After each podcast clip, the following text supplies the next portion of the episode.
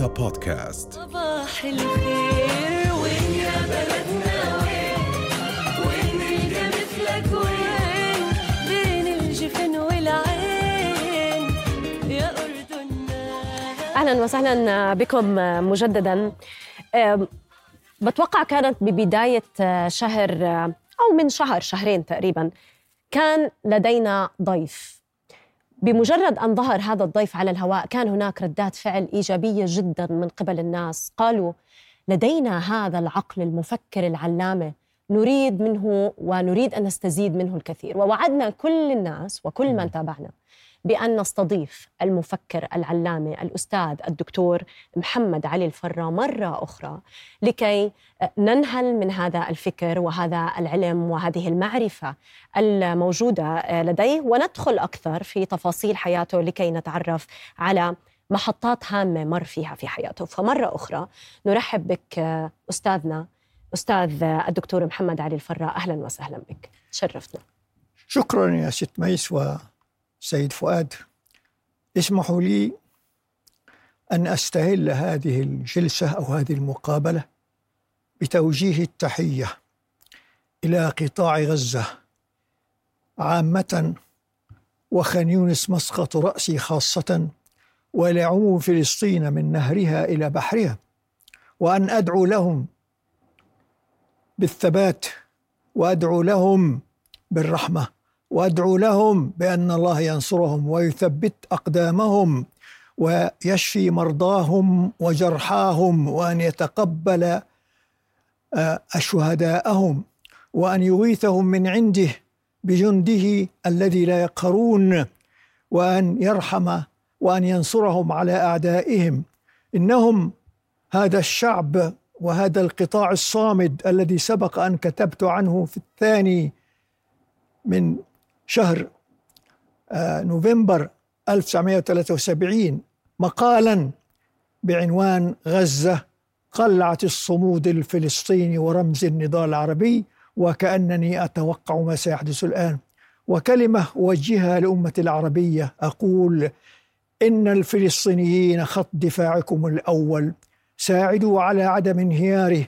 فوالله لو انهار لسمح الله لتدفق السيل من بعدهم وأصابكم الطوفان وصرتم تقولون أكلنا يوم أكل الثور الأبيض. دعواتي لكم وقلبي معكم يا أهل غزة يا مسقط رأسي يا بلد الشافعي يا بلد هاشم بن عبد مناف. والسلام عليكم ورحمة الله وبركاته.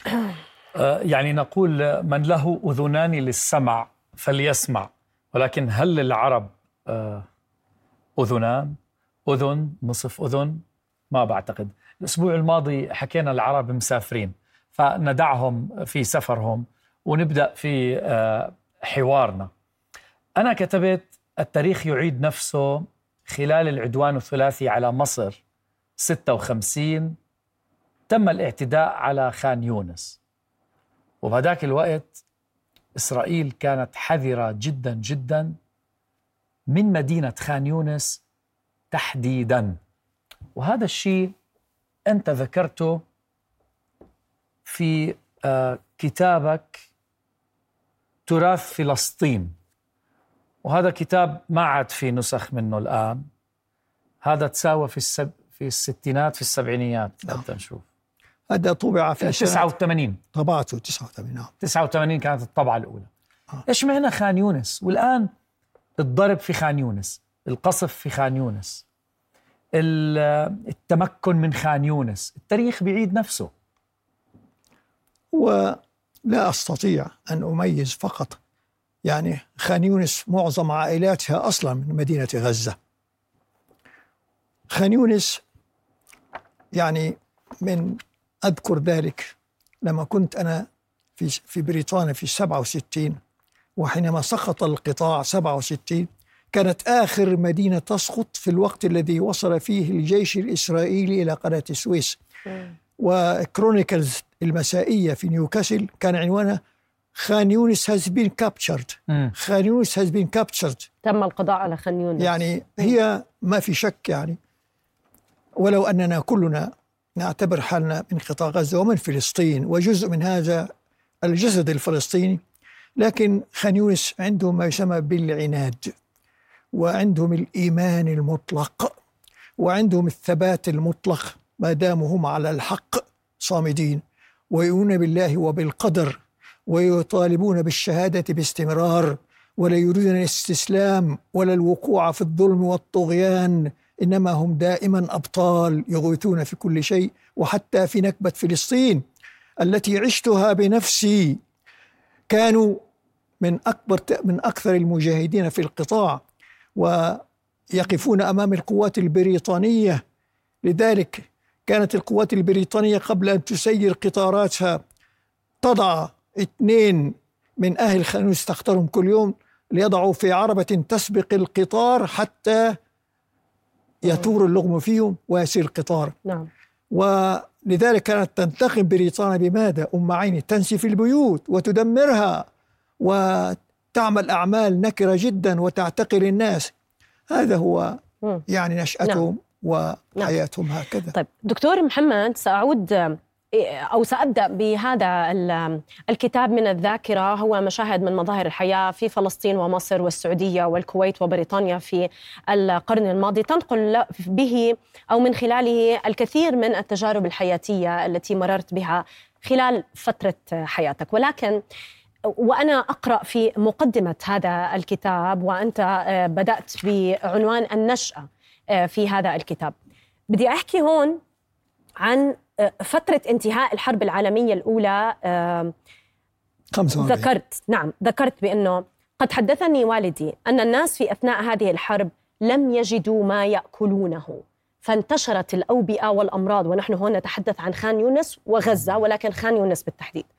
وربما كان الشيخ عثمان الطباع خير من ذكر ذلك بالتفصيل حيث قال نفس المشاهد اللي عم تشوفها الآن.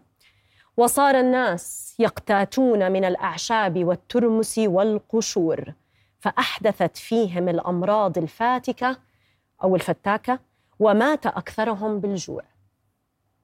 من الحرب العالمية الأولى والآن بعد عشرات السنوات يعود هذا المشهد في خان يونس وفي كل أرجاء غزة. ما تعليقك على هذا هذا؟ الكتاب لعثمان الطباع واسم الكتاب إتحاف العزة في تاريخ غزة. وقد كان الكتاب مخطوطا وقد كتب في سنة 1912 ثم طبع في أربعة أجزاء سنة 1995 وهو مؤرخ مشهور.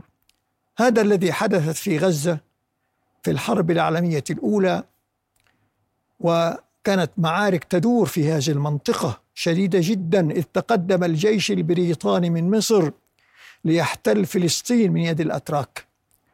وتقدم حتى عسكر عند خان يونس في موقع اسمه إملكلاب وكان قائد الجيش الجنرال موري. وتقدم إلى غزة في سنة 1917 ودارت معركة رهيبة أبلى فيها أهل غزة مع الأتراك بلاء بلا يعني من قطع النظير. واستطاعوا أن يتغلبوا على الجيش البريطاني فسقط ستة آلاف قتيل من الجيش البريطاني فذعرت بريطانيا واهتزت لها.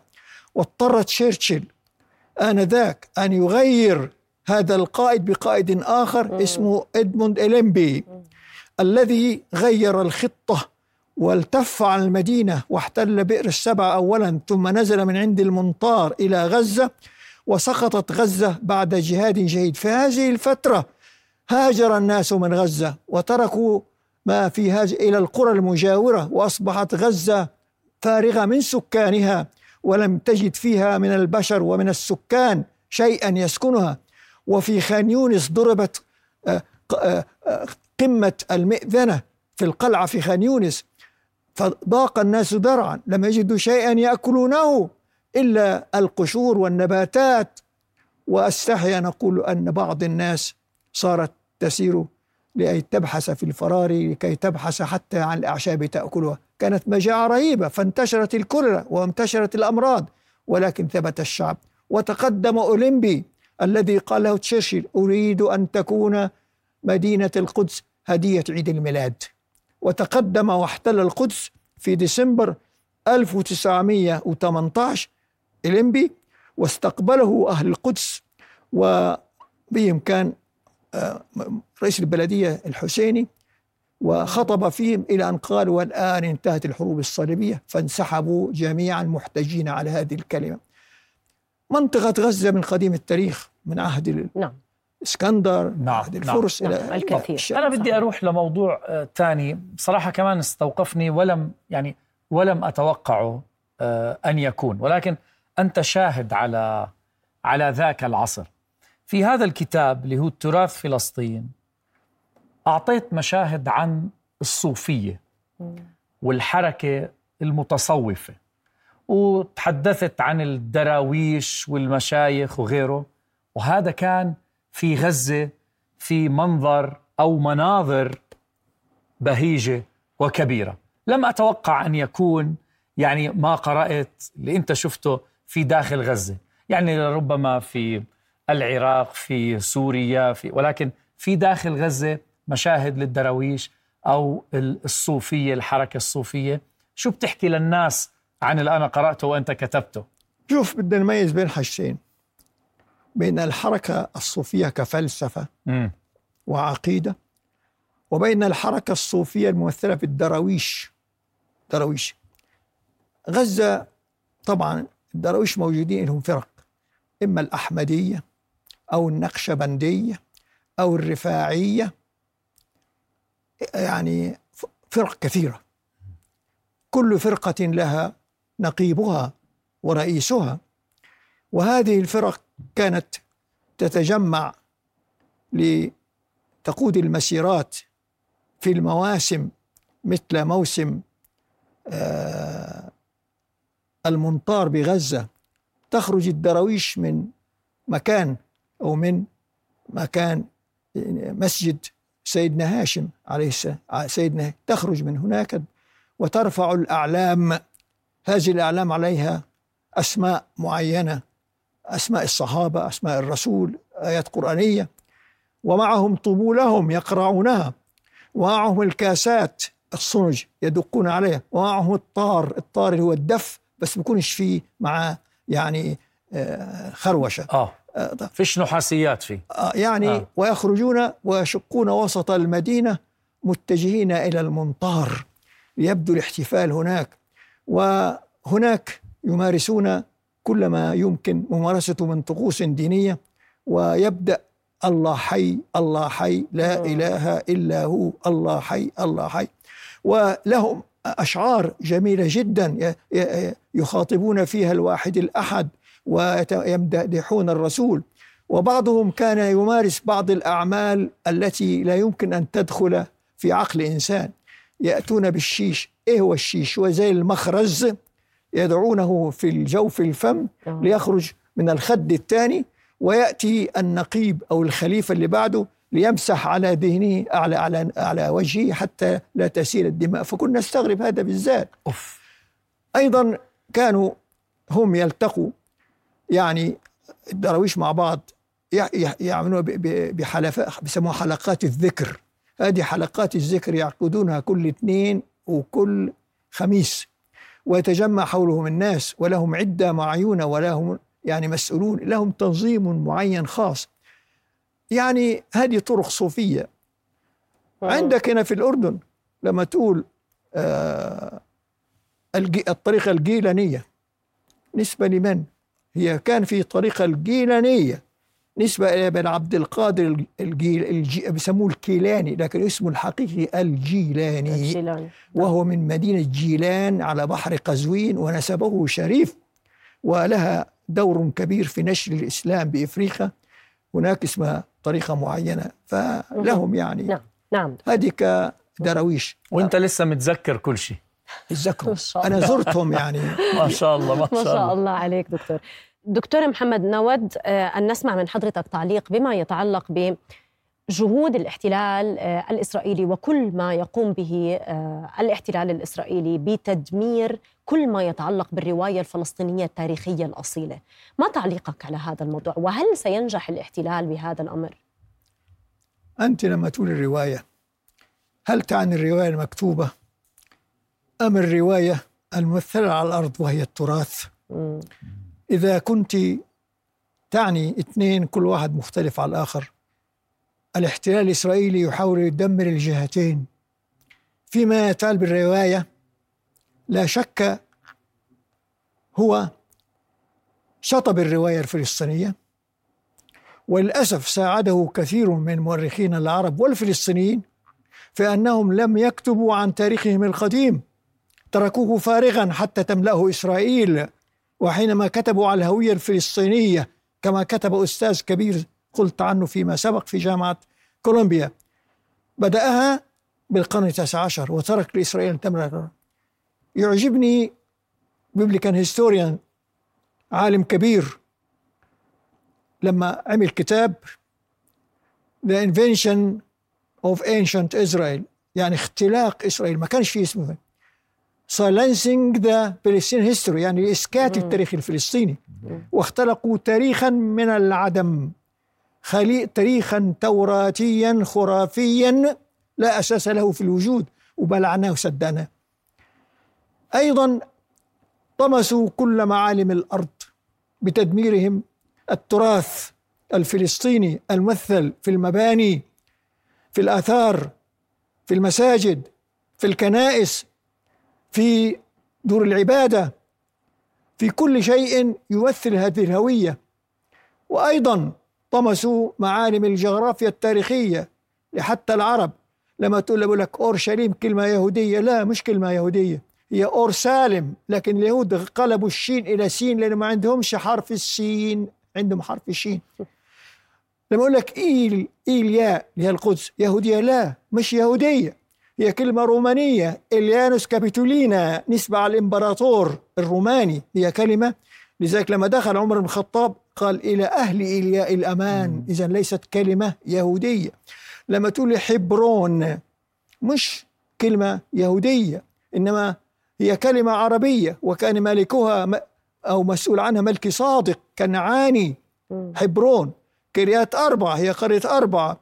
معظم المدن والقرى الفلسطينية أسماء عربية, عربية. حورت نعم. لما تقول النبي روبين اللي بيحتفلوا في يافا يقولوا هذا يهودي لا هو لما يقولوا روبين مين هو روبين روبين مش ال... ال... روبين ها واحد سوري اجى قديم زمان واستوطن هذه المنطقة ويقول مصطفى الدباغ في موسوعته فلسطين يقول هذه روبين لا علاقة لها بيعقوب يعقوب ابنه الكبير اسمه راؤوبيم والثاني شمعون والثالث ليفي والرابع يهوذا أجاد أشير يوسف بنيامين.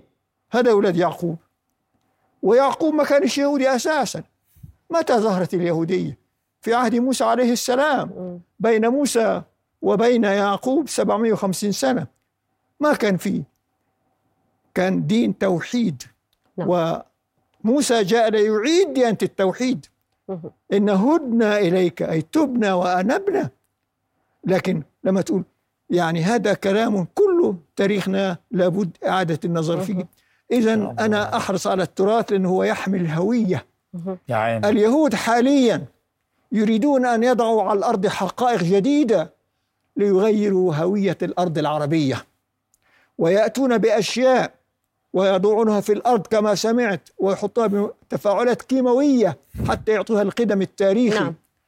دكتور اسمح لي أعلق بس تعليق. أنا بدي أوجه رسالة لكل المؤسسات العلمية الفكرية البحثية. أين أنتم عن هذه العقول التي لديها الكثير من المعرفة والتي تستطيع أن تفند على أرض الواقع وتستطيع أن تفند من خلال الكتاب ومن خلال الورقة والقلم كل ما يتم العمل عليه من قبل الصهيونيين لترسيخ روايتهم الكاذبة، أين أنتم عن إنتاج والعمل على إنتاج هذه الأعمال الفكرية المهمة بكل اللغات على فكرة مش بس باللغة العربية، نحن بحاجة إلى ترجمتها إلى كل اللغات. الآن أمامنا هذا المثال الحي الهام جدا الذي سيفند هذه الرواية الصهيونية أمام كل العالم. يعني بتمنى إنكم تستفيدوا من هذه الخبرة الكبيرة اللي موجودة عندنا دكتور 1966 كان في عشاء رسمي وأنت يبدو إنك استغل ما بعرف هو استغليته يعني استغليت الفرصة لإنك تتحدث عن المصيبة المستمرة اللي ما زلنا نعيشها وبسببها اللي هو آرثر بيلفور. وبهداك العشاء حكيت قدام كل الناس في بريطانيا عن هاي المصيبة اللي سببها آرثر بيلفور مع أنه أنت كنت في بدايات ال... بدايات الشباب إن صح التعبير ولك مصالح يعني دراسية وغيره. أعطينا تفاصيل. هي التفاصيل نوعا ما. أنا أقمت في بريطانيا وكنت في بريطانيا سنة ست ست 66 في بريطانيا في ست مدن كبرى المدن الكبرى يطلق على رئيس البلدية مش mayor lord mayor والمدن الأخرى mayor. المدينة اللي كنت فيها نيوكاسل أبون تاين هي lord mayor. من عادة ال lord mayor بيعمل كل سنة حفل لجميع المغتربين من جميع أقطار العالم سواء من أوروبا من إفريقيا من أمريكا من أستراليا حتى من ويكون هذا الحفل تحت رعاية ممثل عن الملكة كانت ملكة آنذاك.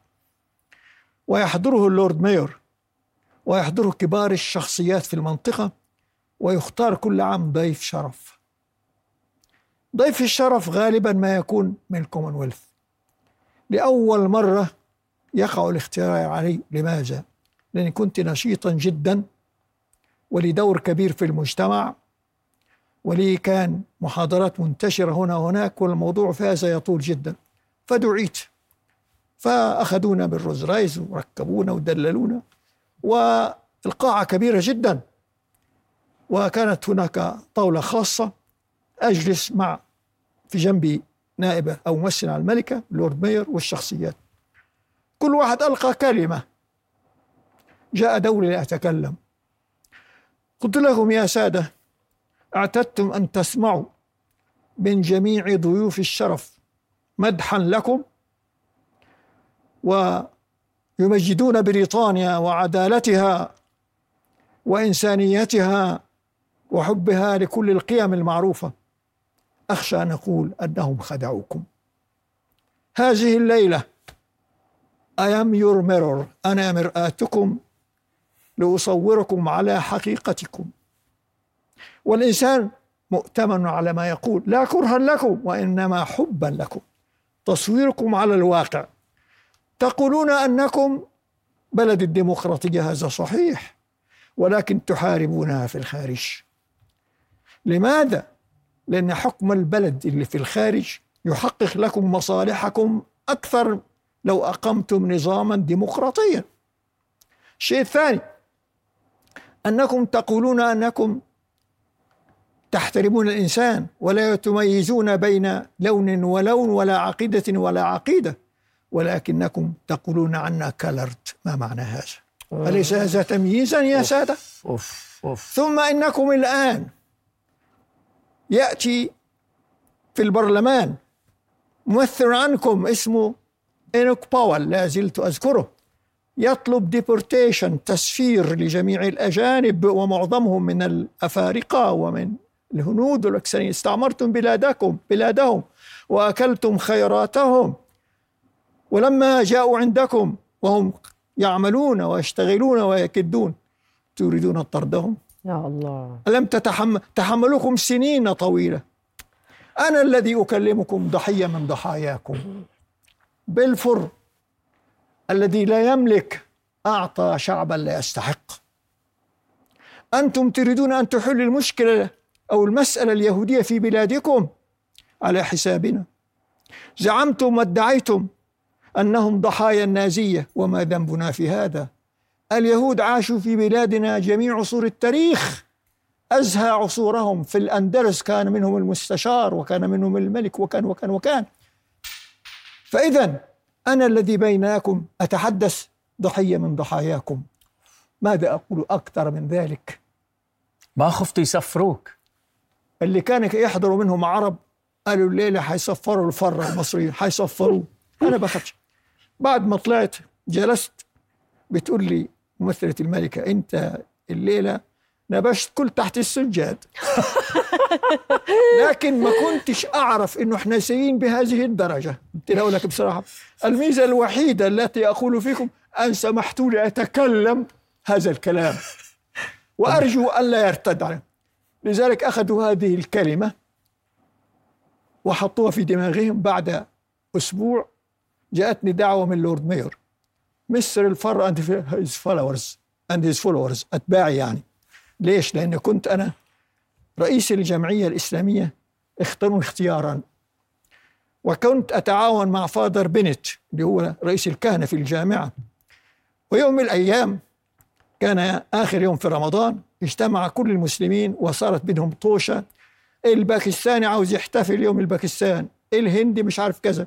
وكان يحضر فادر بنت يحضر هذه المصاخر وهذه البلاوي. فاتصلوا في إني أحضر أحزم هذا الموضوع. كنت في مكتبي. قبل ما أحضر اتصلت بالمكتب أو المركز الإسلامي بلندن. متى العيد؟ قالوا بكرة. دخلت على هذه القاعة الملتهبة وال father بنت بتفرج على المهازل.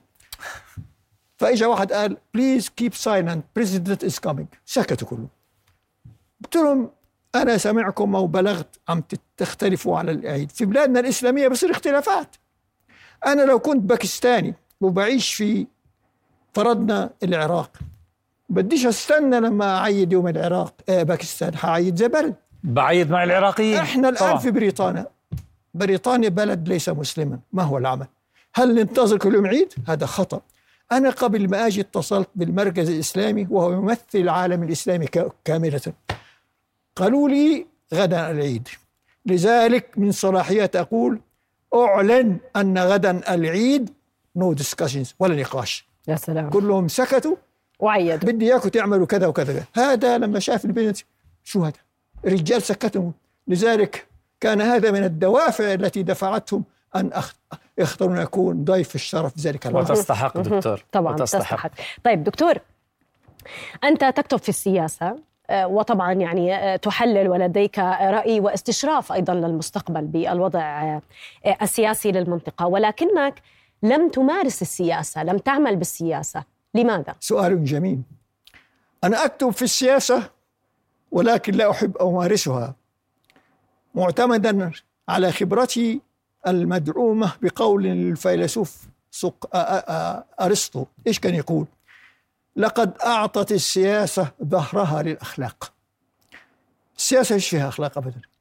فيها غش، فيها خداع، فيها كذب، فيها ادعاء، فيها مصالح ويذكرني بقول لرئيس الوزراء البريطاني أشهر وزير رئيس وزراء في القرن التاسع عشر اسمه ديزرائيلي هذا كان يهودي وأسلم بعدين سأله شخص قال له يا رئيس الوزارة هل تقول لي من هم أصدقاء بريطانيا ومن هم أعدائها قال اسمع يا هذا؟ ليس لبريطانيا أصدقاء دائمين وليس لها أعداء دائمين لكن لها مصالح دائمة. لذلك هنا أقول أنا لا أصلح أن أكون سياسيا في العمل لأني لا أحب أن أكون منافقا ولا أحب لذلك السياسة مصالح. ولذلك أنا لا يمكن أن أجعل الدين مع السياسة اثنين متعارضين مع بعض. يعني على هذا الأساس أنا عرضت علي مناصب السياسية ولا أحب أن أقول في السبعينات شهر ستة عرض علي أن أكون وزيرا في وضع كان قلق جدا واعتذرت عن هذا. لكن ليس معنى ذلك إني بكذب عليك إذا قلت لك إني والله بحبش أصير وزير لكن أنا لا أصلح الوزارة لاني طبعي لا احب الاستقامة أحب الصدق أحب الصراحة إلى غير ذلك. اذا السياسة كعمل لا تحبني. أوف. ولا أناسبها ابدا. لكن أكتب فيها وأحلل. أنا اتفاق اوسلو أساسا.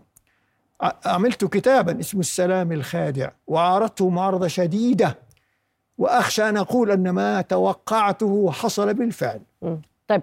إذا بدنا نسألك الآن بما أنك تكتب وتحلل طبعا وما شاء الله عليك دكتور ما ماذا تستشرف ما هي نظرتك المستقبلية القريبة خلينا نقول عن ماذا؟ ماذا سيحدث بما يتعلق بفلسطين آه، بالحرب لك. مستقبل من أولاً- المنطقة اولا في عدة سيناريوهات إسرائيل بعملها هذا تهدف لشيء واحد ولكنها تدور وتلف ما هي؟ تهجير الشعب الفلسطيني لو شاءت تريد أن تهجره بعيدا عن فلسطين. هذا المهي... المخطط ولو إنه تقريبا لم يبقى مكان في غزة يسكن فيه. يصلح للسكن ما فيش لا طعام ولا شراب ولا مسكن ولا غيره. لكن الشعب الفلسطيني تعلم من النكبة الأولى. وأعتقد حيظل صامدا. ولكن أنا لا أستبعد أيضا أن يكون شيء من التهجير. ولو أنه الآن هم بيجوا إلى الإبادة على أساس إبادة أكبر عدد ممكن من قطاع غزة حتى يخف العدد ويسهل تهجيره. لكن أنا تهجير بمعنى الذي ينون إليه أشك فيه. الشيء الثاني الشعب الفلسطيني شعب جبار. أعتقد أنه لا تستطيع الصهيونية أن تنتصر عليه. أنا في لقاء من لندن كان مؤتمر بالسبعينيات دام كم يوم وأتذكر صارت علاقة بيني وبين يهود. أنا تعرفت على يهود كتير وبعضهم استقطبتهم والله. فقلت له أنا بمزح معاه. بقول له يا أخي ربنا بلانا ألأم وأخبث شعب في العالم. قال لي وإحنا بلانا بأعند شعب في العالم. أوف. لو كنا نعرف إننا حنقع معكم والله ما بدنا فلسطين.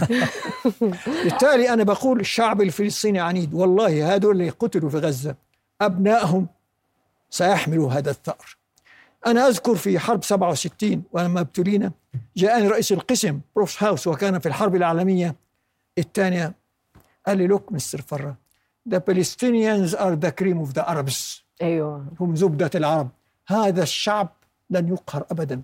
قلوي لما قابل واحد طفل في نواحي القطب الشمالي قال له where you come from قال له from Jaffa قال هذا طفل. ما شافش. هذا الشعب لن يهزم. هذا شعب الجبارين فعلا. آه، في كتابك ذكرت عن أدولف هتلر. yes كيف كان معجب بالشعب الفلسطيني؟ في سنة 1938 يعني قبل الحرب العالمية الأولى بعام واحد كان هتلر وهو أساسه من من جرمان النمسا أساسه هو وكان في تشيكوسلوفاكيا عنصر جرماني وكان يمدهم هتلر بالسلاح وكل من المعدات ويطلب منهم أن يقوموا ويثوروا. قالوا يا شعب السوديت أمدكم بالسلاح وبالأعتدة وبالذخائر فلا تحققوا شيئا. انظروا إلى عرب فلسطين. شعب تعداده دون المليون. دوخ الإمبراطورية البريطانية التي لا تغيب عنها الشمس آنذاك ومعها الصهيونية العالمية. واستولوا على مناطق واسعة بفلسطين وسيطروا عليها.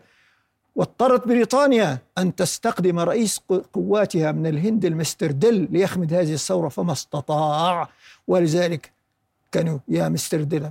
وكان أحد جنرالات بريطانيا يقول إن 500 مجاهد من مجاهدين فلسطين لا تستطيع أن تتغلب عنهم. فرقة مكونة من 15 ألف جندي بريطاني بكامل أعدادتهم هذه شهادة بريطانية. وأذكر في سنة 39 محمد رستم حيدر كان الله يرحم وزير مالية العراق. إيش كان يقول؟ كنا نذهب إلى أوروبا ونخجل أن نقول أننا عرب. لما قامت ثورة فلسطين وبطولات عرب فلسطين وجهاد عرب فلسطين رفعنا رؤوسنا وصرنا نقول نحن عرب نقولها بعزة. ولذلك أقول للأمة العربية إياكم أن تتركوا الفلسطينيين وإلا الطوفان قادم. والله هؤلاء الفلسطينيين الذين يجاهدون هم خط الدفاع الأول على الأمة العربية والإسلامية حتى كمان. هذا ما أقول. تركوهم. طيب. تركوهم. دكتور تبقى لدينا أيضا حديث آه، يعني نستطيع أن نتحدث معك بمواضيع أخرى. آه، ذكرت لك بأن دائما أحب أن أقرأ مقدمة كل كتاب يعني أود أن أطلع عليه. يعني لكي يعني أتابع وجهة نظر الكاتب ماذا يود أن يقدم الكاتب من خلال كتابه. وهذه تعتبر يعني سيرة ذاتية من الذاكرة لحضرتك. وحتى حكيت لك برضو يعني قبل الهواء أعجبني جدا بأنك آم، ذكرت في هذا الكتاب أن من أهم الأسباب التي جعلتك لا تركز في هذا الكتاب على سيرتك الذاتية لقناعتك بأن قراء كتب السير يهتمون بالشخصيات الكبيرة والهامة كأن يكون كاتب مثلا سياسي مرموق دبلوماسي بارز أو عالما متفوقا. ولكن أنا أنظر مثلا أن تخيرني ما بين الكثير من السير الذاتية. وأمامي هذا المثال وأنا لا أجاملك دكتور. أنا أذهب إلى يعني أول اختياراتي وأولوياتي بأن أقرأ هذا الكتاب للعلامة والمفكر الموجود أمامي. لماذا لماذا قلت هذا الأمر؟ مع أنك يعني لديك من الخبرة والمعرفة الكثير ممكن أن تكون أكثر بكثير من أي سياسي أو شخصية مرموقة كما ذكرت في هذا الكتاب. شوف يا بنيتي هذا الكتاب اختارته وزارة الثقافة لتطبعه وتنشره في مكتبة الأسرة. أولا أجي أقول لك سؤال. علم وكبر لا يجتمعان. طبيعة العالم هو التواضع. هاي أولا. الثاني الثاني ماذا كان يقول أرسطو؟ الفرق بين العالم والجاهل. العالم يقول أنه لا يعلم وأما الجاهل يقول أنه يعلم. يا الله. ونحن عندنا في القرآن وما أوتيتم من العلم إلا قليلا. ولما عدت من بريطانيا وحاصل على الدكتوراه التفة عندي نفر من الأصدقاء ليستفيدوا. قلت لهم استفدت حاجتين. عرفت قيمتي كإنسان في أوروبا لأنه ما, قدروني حسب حسبي ونسبي ولا عيلتي إنما حسب شخصيتي. الشيء الثاني لقد اكتشفت هول ما أجهل. إذا أنا دائما بقول اللهم صغرني في عيني وكبرني في عين الناس. يا الله. لذلك ما عملت عملا ما وشعرت فيه أنني أكملته. لماذا؟ لا أستطيع أحكم على نفسي. I cannot burn myself. أنت قدرتيني قلتي هذا فضل من الله. لكن أنا أقول لك عن نفسي.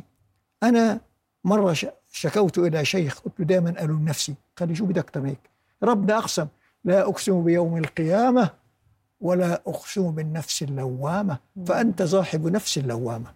لذلك حتى هذه اللحظة عملت معك مقابلة. هل أنا راضي عنها؟ أشعر أني مقصر. هذا هو ما شاء الله يا دكتور. لذلك يعني لما كتبت هذا الكتاب قلت أنا نفر طبعا عادي وبالتالي لا أدعي أنني عالم ولا كذا ولا. الناس تقدرني بس تراني وهذا فضل من الله وشكرا. يا سلام الحمد عليك لله. وأنا بصراحة يعني من حلوة يا دنيا نقدم فعلا شكر لوزارة الثقافة يعني اللي فكرت واجتهدت وأنتجت هذا ال- يعني هذا العمل ليكون في مكتبة الأسرة وبين الناس. والله يعطيك العافية يا دكتور. صدقا يعني ما شبعنا السنة الماضية في أواخرها وعدنا الناس والحمد لله أوفينا وأنت الأهم إنك أوفيت وطليت معنا مرة تانية في حلوة يا دنيا في وقت قصير ومهم وإذا ما عندك مانع نوعد الناس كمان مرة بلكي على الخريف شو رأيك؟ سيدي العزيز أنا دائما بدعو دعوتين في كل صلاة إلي أنا. اللهم اختم بالصالحات أعمالي وأمتني واقفا. طالما أعمل؟ وأقدم لأمتي ما أقدر عليه من تنوير ومن علم ومن ثقافة. أن أشعر أنني أعمل. فأنت مشكور وهي مشكورة. العفو. لأنكم أخذتم بيدي حتى أستطيع أن أخدم ويكتب لي بالصالحات أعمالي. العفو يا دكتور العفو. طالما في نفس وطالما في قوة وأنتم تتكرمون بإرسال السائق لبيتي العفو يا. دكتور أنا على استعداد حتى آخر لحظة في حياتي أن أخدم وطني وأمتي وأدعو لشعبي في غزة أن يأخذ الله بيدهم وأن ينصرهم ويثبت أقدامهم وأن ينصر فلسطين أهل الرباط وأهل الحق وأن. يحمي هذا البلد الأردن الشقيق من كل مؤامرة شاء الله ومن كل عدوان فهذا البلد الآن أيضا في عين العاصفة. حمى الله الأردن ومن في الأردن وشعب الأردن جميعا بمن فيه. آمين. على آمين.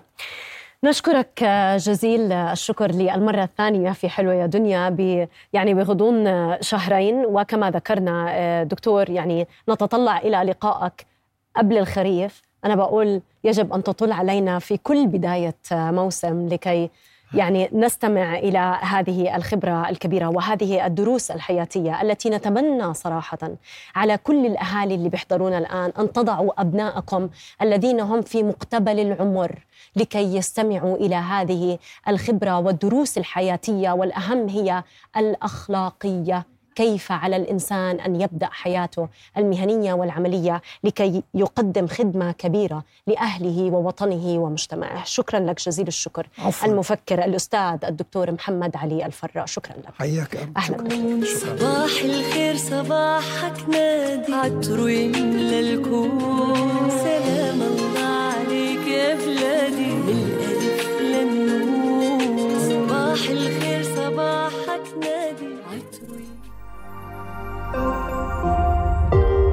رؤيا بودكاست